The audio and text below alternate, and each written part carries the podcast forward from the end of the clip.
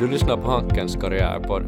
Jag heter Tristan Westerholm och idag pratar jag med Filip Ramberg om hans karriär utomlands, nätverkande och om att våga be om det man vill ha.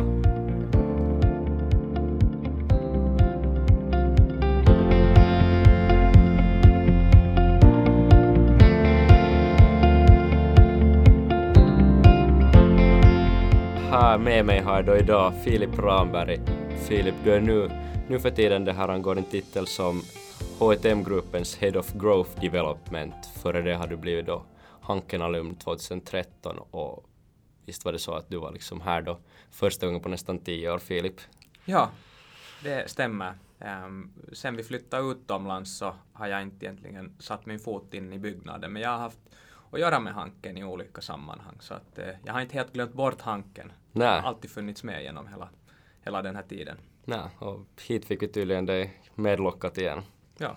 Men du har, du har gjort karriär utanför Finland då, det här, först, först i Asien och sen efteråt i Sverige och nu visst också kom du helt det här mer eller mindre nyligen från, från Stockholm hit då tillbaks till Helsingfors och det här. Berätta lite, att vad, vad fick dig liksom utanför då bortans gränser? Eh, ja, eh, vi, egentligen var det så att jag flyttade ihop med min sambo där eh, någon gång var det 2011 ungefär. Och, och båda hade lite sug att eh, åka utomlands och, och testa på, på att jobba utanför Finland. Vi jobbade då båda inom banksektorn och, och funderade lite på New York och Genève och Singapore. Och, och, så fick min sambo då faktiskt en möjlighet att grunda Nordeas Capital Markets i Shanghai och det var tillräckligt spännande för att få oss båda med dit. Och, och det var egentligen då vi beslöt att nu, nu sticker vi. Um, ingen hade någon koppling till Kina, vi hade Nej. inte varit i Shanghai och, och dit får vi. Så det var ganska spännande. Um, och de uh, på något registrerade inte sambo som någon form av, så jag åkte dit med turistvisum och, Ja, ja. och började söka jobb. Så det var Eh, bara som en kompis eller vem som helst annan i Ja, det blev, så kan man säga. I, i, I papperna såg, Ja. det, såg det ut så. Ehm, och, och det var ju lite speciellt för det är ju ofta eh, så att du har den medföljande parten är en, en eh, av det andra könet. Sant ja. Så att eh, det var ju också lite konstigt på det sättet att vi åkte som ganska unga och, och jag var en medföljande kille på turistvisum. Eh, och, och, och vi kan säga att det var inte helt lätt i början. Eh, dels för att det var många som varnade att det kommer att vara jättesvårt att få jobb. Mhm. Eh, och, och det här eh, andra som sa att, att man har liksom inte språket och, och, och det där, man har inte den här Asia-edgen som de talar om. Men sen märkte vi att, att kraften av nätverket, att träffa otroligt mycket människor och alla var väldigt, sen sist och slutligen väldigt öppna och villiga att hjälpa, eh, i alla fall hjälpa en att träffa mera folk. Eh, Så jag träffade många inom både headhunting, inom finska eh, näringslivet ute då, som bodde i Shanghai och, och andra typer av, av eh, folk från nordiska bolag. Ja. Och, och sen märkte vi liksom snabbt vilka typer av bolag som värdesätter den kompetensen och den liksom, eh, det vad jag kan, kunde hämta för värde in i, i, i, bolaget. Och och hur var det sen när du nätverkade? Liksom, var det i princip då att de som har kommit utanifrån, liksom, utifrån Kina, så de nätverkar tillsammans eller var det liksom, skapade du nätverk också med den här då lokalbefolkningen? Nej, det där? var nog mycket i, i liksom att komma i kontakt med ens eh, först ens, ens nätverk här i, i Finland Ja. som känner folk som har flyttat till Shanghai och sen nätverka att du har liksom de här expertkretsarna. Ja. Eh, så att det var mycket eh, med, med finnar och svenskar som jag nätverkade sen sist och slutligen. Ja.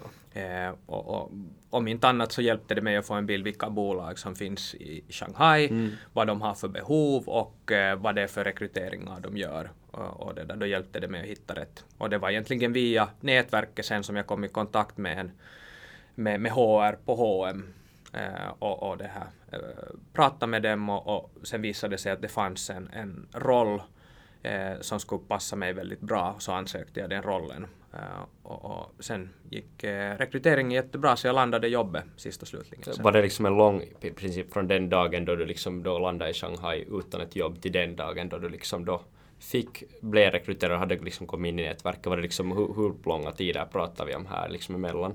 Jag tror att, att när jag började nätverka redan våren innan vi stack iväg, vi, vi flyttade i september, Ja. och eh, så att då träffade jag redan och hade ju haft lite telefonintervjuer, så att om man skulle ta då liksom från maj till, och, och jag skrev på i, i i december. Eh, Så att från att vi flyttade eh, i slutet av september så tog det ungefär två månader att ha liksom ett Ja. namn på pappret. Och jag kan väl säga att det var Eh, det var inte alls eh, varken psykiskt eller emotionellt så enkelt. Eh, för jag hade en deadline, mitt turistvisum skulle gå ut efter 120 dagar. Nej. Så att då hade jag liksom den deadlinen, så det var, det var nog en rollercoaster man, man gick igenom där. Ny kultur, nytt land eh, och, och, och det där. Många just som då, som jag sa tidigare, eh, varnar för att det kommer inte att vara så lätt. Sen när jag hade landat jobbet så behövde vi ännu få visum i skick och det var inte heller liksom walk in the park. Så det var Nej. många sådana, man var, det var spännande. Ja. ja, för det är ju inte sådana här saker som jag tänker på, liksom att, att internationell karriär låter som att det är liksom tuffa grejer och du får se liksom stora värden, men att det finns en hel del logistik helt tydligt liksom som måste göras där. Köra Det- infron i skick. Absolut, ju längre borta man är från, från Finland eller från det vad man känner till så eh, man blir ju överraskad. Nu tror jag att det finns fler eh, unga som också har varit till exempel i Shanghai som man kan bolla med och, Ja. och just då så fanns det inte så mycket, i alla fall i vårt nätverk, att det var mycket mera industribolagen som skickade ganska seniora eh, ut och, och leda deras Asienverksamhet. Ja. Att, att på det sättet så, så tror jag att, att det är lite annorlunda förutsättningar om man sticker ut idag. Ja. Men det här, du fick då landa jobbet i HR, i H1M Ja. och det här, an, eh, var det då i Sverige liksom direkt eller körde du liksom distansjobbade du eller var det Nej, helt liksom på plats då liksom Shanghai? Ja, det var i Shanghai. Ja. Så att eh, hm gruppen eh, har ju eh, global verksamhet men eh, eh, textilproduktionen eller produktionen av varorna sker i, i stor del i, i Asien och då har man eh, huvudkontoret för själva produktion och sourcingen i Hongkong och sen Ja. en av våra största eh, nästan en av de största kontoren i hela bolaget finns i Shanghai. Ja. Ehm, väldigt koncentrerat, mycket folk som är där. Eh, Så att det var i det kontoret, i vårt sourcing och produktion eh, kontor som jag sen började jobba som business controller för en av våra, våra business units där. Ja. I, i, den, I den så att säga funktionen. Och du började jobba där och nu liksom då x år framåt, vad blir det, typ nio, åtta år det här Åtta år, ja. så är du ännu också fortfarande i bolaget. Hur, hur har det liksom varit karriärmässigt liksom? Har, du, har det hela tiden känts som att de liksom då pushar dig att ta liksom nya steg där eller har det varit liksom du själv som har egentligen hela tiden sett eyes on the prize liksom att det där är vad jag vill ha och tagit liksom steg framåt eller hur har den här liksom processen skett nu?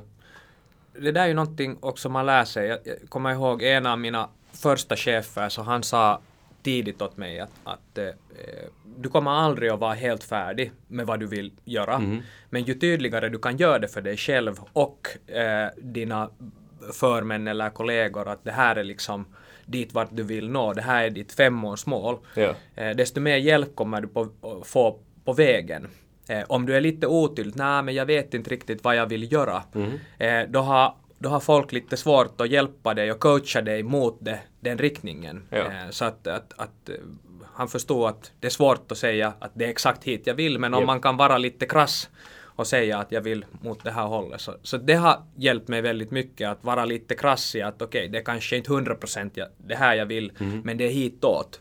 Och då har det kunnat hjälpa mig att få uppdrag eller få, få så att säga hjälpa mig att utvecklas mot att klara av den typen av, av roller. Och, och liksom vad är det egentligen, har, har de här sakerna du har då bett om att liksom bli hjälpt mot, eller de, är sakerna du har signalerat i princip att okej, att, att nu är du då det här inom tillväxtplanering eller strategi där. Och jag tänker liksom, är det det du hela tiden har berättat? Att det här är min end goal, där vill jag vara? Eller har du alltid berättat liksom i princip att, jag menar, det, det känns ju inte som du har åkt en rak linje nu där genom Nej, det, det, det blir ju inte så. Eh, väldigt sällan. Eh, men det ha, handlar mer om att kunna ge ett pek. Ja. Eh, och, och för mig var det först att, att eh, när jag kom in i produktion och sourcing så var mitt första peke att jag vill komma kunna bygga tillräckligt med kompetens eh, och erfarenhet för att kunna, kunna ta en mer kommersiell, kommersiell roll. Ja. Så det var liksom det första peket. Ehm, och eh, sen hade följande peket varit att okay, jag vill kunna ta en, en mer ledande roll inom eh, eh den kommersiella delen. Ja. Ehm, att jag har alltid varit väldigt driven av, av att eh, driva affär eh, och liksom vara dels ha liksom kavla upp händerna och göra jobbet, mm. men också att jobba strategiskt och få vara med och liksom påverka de, de större riktlinjerna ja. i affären. Så att hitta den liksom kombinationen. Eh, och just, just den här rollen så känns väldigt bra som jag är nu i där jag får göra eh, båda och eh, ja. en bra kombo. Så att jag skulle inte säga att det är något slutmål utan eh, jag skulle säga att när man börjar connecta de här eh, punkterna till varandra så finns mm. det väldigt en logisk liksom hur, hur, hur jag kom hit till den här ja. Jag menar, du är nu liksom, du har varit under tio år så att säga i arbetslivet, ifall vi kan kalla det som ja. det här perioden efter då studietiden. Och du är liksom här nu och vi funderar nu på att hur många tio år du har ännu kvar, kanske 40 år kvar i arbetslivet. Så liksom hur, hur känns den här delen av att du har uppnått ganska mycket redan på den första liksom då femtedelen av, av det här din arbetskarriär liksom, har, har du än också hunger kvar? Eller har du den ätit dig mätt?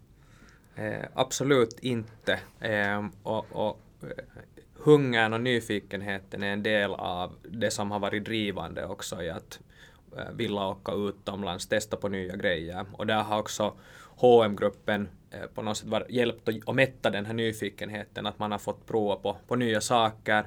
Eh, har man så att säga bevisat att man kan leverera i en roll så har man har bolaget vågat ta en risk med att placera en i, i kanske kontext där man inte har tidigare visat mm. liksom eh, vad kan man säga, prestationer eller, eller hur man har, utan de har verkligen vågat våga låta en hoppa till nya funktioner. Så att eh, det har också gjort att, att man har fått lära sig och, och att man har kunna vara nyfiken och, och hungrig hela tiden.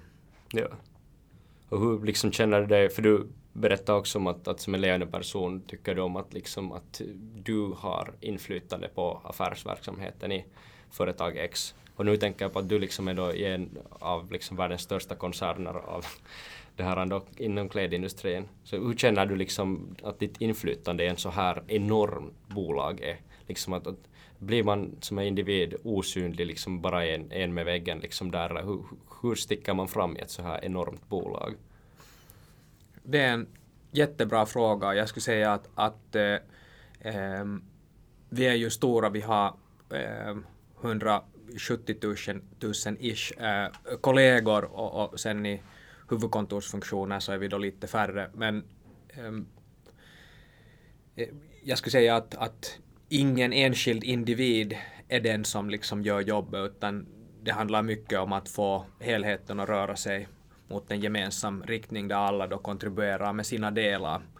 Eh, och eh, då har man ju liksom en, en del och min del är nu hur vi ska växa utanför vår kärnverksamhet. Så hur kan jag genom den delen kontribuera mot våra långsiktiga mål? Och där har jag ju såklart en, en, en väldigt bra eh, möjlighet att påverka vad vi gör. Ja. Eh, och det är ju inte sen jag ensam utan det är ju en, igen många kompetenta och duktiga kollegor och, och, och liksom beslutsfattaren som behöver vara med och medverka i slutändan. Men såklart, där har man en bra, bra möjlighet att påverka inom sitt, sitt område då. Ja. Och berätta du, du sa just att det här du är, att liksom i princip ansvarsområdet du har är liksom utanför då kärnverksamheten. Tänker vi då liksom på jag kollar, H&M håller också på med kosmetik och liksom hemtextiler, är det liksom inom de här mera eller är det ändå inom kläderna liksom? Var, var, var sitter du egentligen? Det är en bra fråga. Vi har ju eh, idag eh, en koncern med flera olika eh, varumärken. Eh, H&M är ett av våra stora varumärken och så har vi Another Stories, Koss, Monkey Weekday, vi har H&M Home Eh, och så har vi Arket eh, och sen har vi lite andra affärer också. Vi, är, eh, det här, eh, vi har Selpi som är en, en stor eh, resell-aktör. vi har Afound som är en sån här eh, plattform för eh, vad är det, det är alltså eh, discounted eh, garments, att du kan hitta fynd då på, ja. på, på den Är det liksom second hand då eller? Nej, det... Det, det är first hand. Ja. Um, så att vi har, vi, vi har ganska många olika liksom, affärer idag och, och det räknar vi mera in i vår befintliga eh, kärnverksamhet. Ja. Fast vi har lite olika modeller där.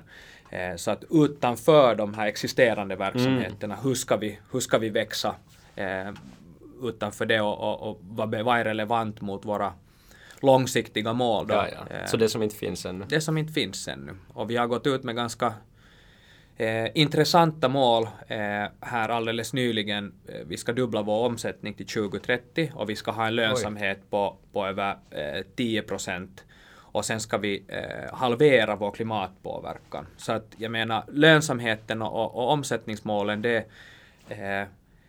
det kan många bolag skapa planer för, men att sen kombinera det med att, att halvera klimatpåverkan, så då behöver vi verkligen tänka till hur vi gör det. Så det har varit, de här tre eh, har varit väldigt viktiga eh, guiding stars i arbetet jag gjort nu, ja. hur vi klarar av det. Och där finns ju liksom, jag menar, speciellt inom first hand klädindustrin, det finns ju massor med sätt man kan påverka det säkerligen på, men, men där har ni nog faktiskt faktiskt helt ordentligt med jobb ja. till 2030. Och det tycker jag är spännande och där kommer det in det här som du var inne på tidigare, att vi är stora. Så vi har verkligen en möjlighet eh, att, att leda vår industri och göra en skillnad i en eh, men, annars ganska utmanande industri. I många länder är det en entry level industri där, där om, om jag tänker jag kommer från produktion och sourcing där eh, det första riktiga jobbet man får och, och framförallt många kvinnor kan, kan få jobb genom en kort utbildning i en av våra fabriker och då har vi jobbat väldigt mycket på, på den sidan att, att försöka ha liksom fair, fair living wage och, och, bra liksom sociala standarder. Eh, alla våra leverantörer måste skriva under eh, vissa liksom avtal där de bland annat ja, tillåter så att säga organisering av, av eh, arbetarfackföreningar och sånt. Eh. Så att vi vill att det ska finnas en dialog mellan arbetarna och arbetsgivarna. Vi vill att de ska ha så bra arbetsförhållanden som möjligt. Eh. Så att eh, det är liksom en annorlunda värld. Det är säkert många som från, från eh, officejobb, om de skulle åka till en fabrik så, så skulle det säkert vara en kulturchock. Men det är väl, tror jag, så här, skulle du jobba i, i kontor och som bankir och sen åka till Raxa så är det, tror jag också, jo. en kultur. Så att det är liksom, eh, men just av de skälen så, så, tycker jag att det är väldigt viktigt att vi verkligen har det på agendan och, och är, är tillräckligt stora för att kunna göra en inverkan. Vi, kommer, vi kan lobba mot, mot myndigheter i, våra, i de länderna vi är, vi är närvarande och så vidare och, och man tar oss på allvar. Ja före, före du det här då var, var där i H&M så har du varit en liten kort stund som en bankir det här då mera visst under studietiden. Hur, hur kom det liksom sig att du inte fortsatte på den, den det här riktlinjen? Blev det ett, ett hårt stopp där eller det här eh, hur, hur blev det? Ja, vi, äh, jag började ju läsa finansiell äh, ekonomi på Hanken och, och, man kan väl säga att, att man var en sån här lite aspiring banker då. Jag tänkte att okej, okay, nu vill jag ut i finanssektorn och, och, det blev nu inte helt eh, investeringsbank i början utan jag började eh, på Aktia och ringa cold calls och det var liksom första riktiga eh, jobbet och det var, det var en bra lärdom. Man, man lärde sig mycket, det var tufft. Eh, så jag är helt glad att man gjorde den resan. Och sen var jag en stund kvar eh, på Aktia Eh, gjorde lite olika saker där eh, och, och flyttade till Danske och eh, där jobbar jag först med, med försäljning eh, av då olika eh, både eh, fin, eh, så att säga, låne och, och eh, eh, placeringsprodukter till nya kunder och eh, sen flyttar jag över till eh, vår corporate finance och jobbar där som analytiker en kort stund. Men det var egentligen beslutet om att flytta till, till Kina som var det som, som gjorde att, att min bankkarriär tog slut. Eh, jag tittade en del på att eh, jobba inom bank i, i eh, Shanghai, men det kom snabbt fram att, att som analytiker behöver man nog kunna både läsa och mm. det här tala lokala språket, kunna läsa bokslut och, och det där.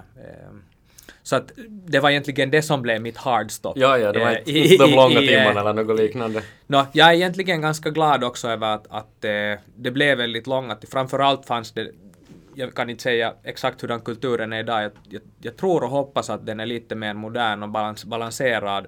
Men att det blir ju jättelånga timmar och, och jag tror att eh, det är nog inte hälsosamt för någon eh, att jobba allt för mycket. Jag märker själv också att man är man är som effektivast och mest kreativ när man har, man har en bra balans i livet. Eh, så att, eh, och, och, det är någonting jag håller med mig att inte i korta perioder kan man absolut jobba en hel del, men är det för, för långa perioder när det blir så, då, då, tappar man liksom kreativiteten och effektiviteten. Och det, det, det, tror jag att det är någonting som skapar otroligt mycket värde när man har dem, eh, dem i skick. Ja, och hur skulle du säga liksom då just på den här arbetskultur och det här ja, arbetskulturen liksom jämfört det här Shanghai och jämfört liksom Stockholm som du, du har mm. nu ändå varit inom samma organisation så man skulle tänka sig att det enda som skiljer sig då åt är i princip landets kultur. Jag tror att här, här verkligen nailar du det för att när vi bodde i Hongkong eh, där vår då första dotter föddes eh, jobba och bodde där i två år och då var min, vi hade gift oss redan då, då var Anina eh, föräldraledig när vi bodde där och när hon skulle tillbaka till arbetslivet så började vi fundera på att, att det här, ska vi stanna kvar? Vi trivdes jättebra. Och, och eh, i, i Hongkong så får man eh, inte nu subventionerat men till ganska fördelaktiga priser hemhjälp för att mm. hjälpa med både skötsel av hem och skötsel av barn. Vilket ska möjliggöra då att eh, föräldrarna kan jobba långa dagar på, på, uh, på sina jobb. Ja. Eh, och, och vad det skulle ha betytt i princip är att innan vår, vår dotter skulle ha börjat på dagis och sånt så skulle det ha varit väldigt mycket eh, vår hemhjälp som skulle ha uppfostrat henne. Eh, och det var någonting som var viktigt för oss att eh, få vara med i, i utvecklingen och hennes, hennes tidiga år. Och, och, det var en stor orsak till att vi sen flyttade eh, till Stockholm där eh, arbetslivet och, och privatlivet är lite mer balanserat. Ja. Och då hade du en stor organisation du satt inne i som liksom faktiskt då hade möjligheten att ta dig till Sverige kan jag tänka mig. Eller blev det liksom en hård push-pull-kamp där liksom med att få dig från Shanghai till Stockholm? No, det är intressant hur saker och ting brukar lösa sig. Att igen, jag hade gett tidigare ett litet pek på att eh, jag skulle vara nyfiken på att, att eh, åka då mot den här kommersiella ja. rollen till Sverige där vi har vårt huvudkontor och så öppnade sig en möjlighet eh, och, och, som var väldigt intressant. Eh, och, och, jag kom egentligen vid, det här var den tiden när vi kritiserades mycket som, som grupp, eh, att vi ligger lite bakom eh, i digitaliseringen och, ja. och, och, vi förnyar inte oss tillräckligt mycket. Så vi hade väldigt mycket spännande initiativ på gång. Och då skulle jag jobba med affärsutveckling och representera så att säga supply chain-biten i de här nya så då flyttade jag hem och, och började med det. Och då kom man liksom lite närmare den kommersiella affären, nya, eh, nya tillväxtområden, Eh, men med ens liksom eh, den kompetensen och de erfarenheterna man fått med sig från, från både då Kina och Hongkong. Ja. Och det här, eh, hur känner du liksom nu, du har ju varit nu liksom mer än dubbelt så mycket säkert då i arbets... Nej, det blir dubbelt så mycket i arbetslivet som du har varit det här ändå i skolan här på Hanken givet att du har på fem år gjort det, vilket jag inte har en här aning om det är sant eller inte. Vi hade ju en diskussion här precis innan. Eh, jag gjorde Hanken på sex år och, och, ehm, och det här ehm, jag tycker att, att eh, man behöver inte ha bråttom. Det är ju bra om man kan hålla sig till liksom 57 år, men det viktiga är nog att man nu så här i efterhand och försöker vara lite efterklok, att man, man verkligen försöker ta ut det både liksom nätverka, lära känna eh, mycket människor. Eh, jag skulle säga att, att eh, nätverkande under studietiden är helt suveränt. Det är liksom ganska fördomsfritt nätverkande ja. och det är guld värt. Sen är det andra är, är ju det att, att eh, studierna på Hanken är otroligt bra. Att ta ut så mycket som möjligt och liksom eh, bra, bra professorer eh, och också bra liksom eh, studenter att, att verkligen ha ett bra informationsbyte och, och, och ta nytta av det. Eh, så att eh, behöver man sen kombinera det med jobb eller vad man nu satt 57 år tycker jag är helt okej. Okay. Ja. ja. Och då har jag ju studerat sex och det är kanske det jag motiverar att det inte blev det där fem. det är där i mitten de två. ja. Men då funderar jag just på att det är inte liksom ändå så långt ifrån liksom sanningen att du har studerat ungefär lika lång tid, liksom då fulltid i skola yes. som du har jobbat fulltid på jobb. Och då tänker man liksom då på, vet du att man skulle tidsmässigt hur mycket liksom finns det kvar av de där lärdomarna mer liksom från den förra så att säga liksom då fulltidsbiten som var skolbiten som du nu liksom har nytta av här i arbetsbiten eller är det liksom klara linjer där har suddats ut här med årens lopp? Um, det finns vissa saker som, som finns med. Jag menar, ett av mina val var ju att studera finansiell ekonomi. Jag ville ha liksom eh, någon hard eh, kompetens, eh, det vill säga eh, jag tyckte, då i alla fall, eh, att en ekonom måste kunna läsa liksom en resultaträkning och en balans och kunna förstå hur man gör business av det hela och, och, och liksom en lönsam affär eh, och så vidare. Så att det var väldigt viktigt för mig. Så det, det har ju funnits med eh, hela vägen att man har kunnat eh, förstå eh, ekonomin i, i affären. Eh, sen det andra är, är liksom problemlösning. Eh, så här, hur antar man ett nytt problem eller en ny utmaning från liksom de här olika faserna, att man först gör research och, och, och, och sen gör man en undersökning och, och, man kan testa det med olika hypoteser och, och, och sen kommer man till vissa slutsatser. Jag menar, eh, det här står man inför hela tiden i arbetslivet och det är klart att man har blivit lite mer effektiv men metoden är väldigt liknande. Att man man behöver nog ha en researchfas för att förstå eh, vad det är.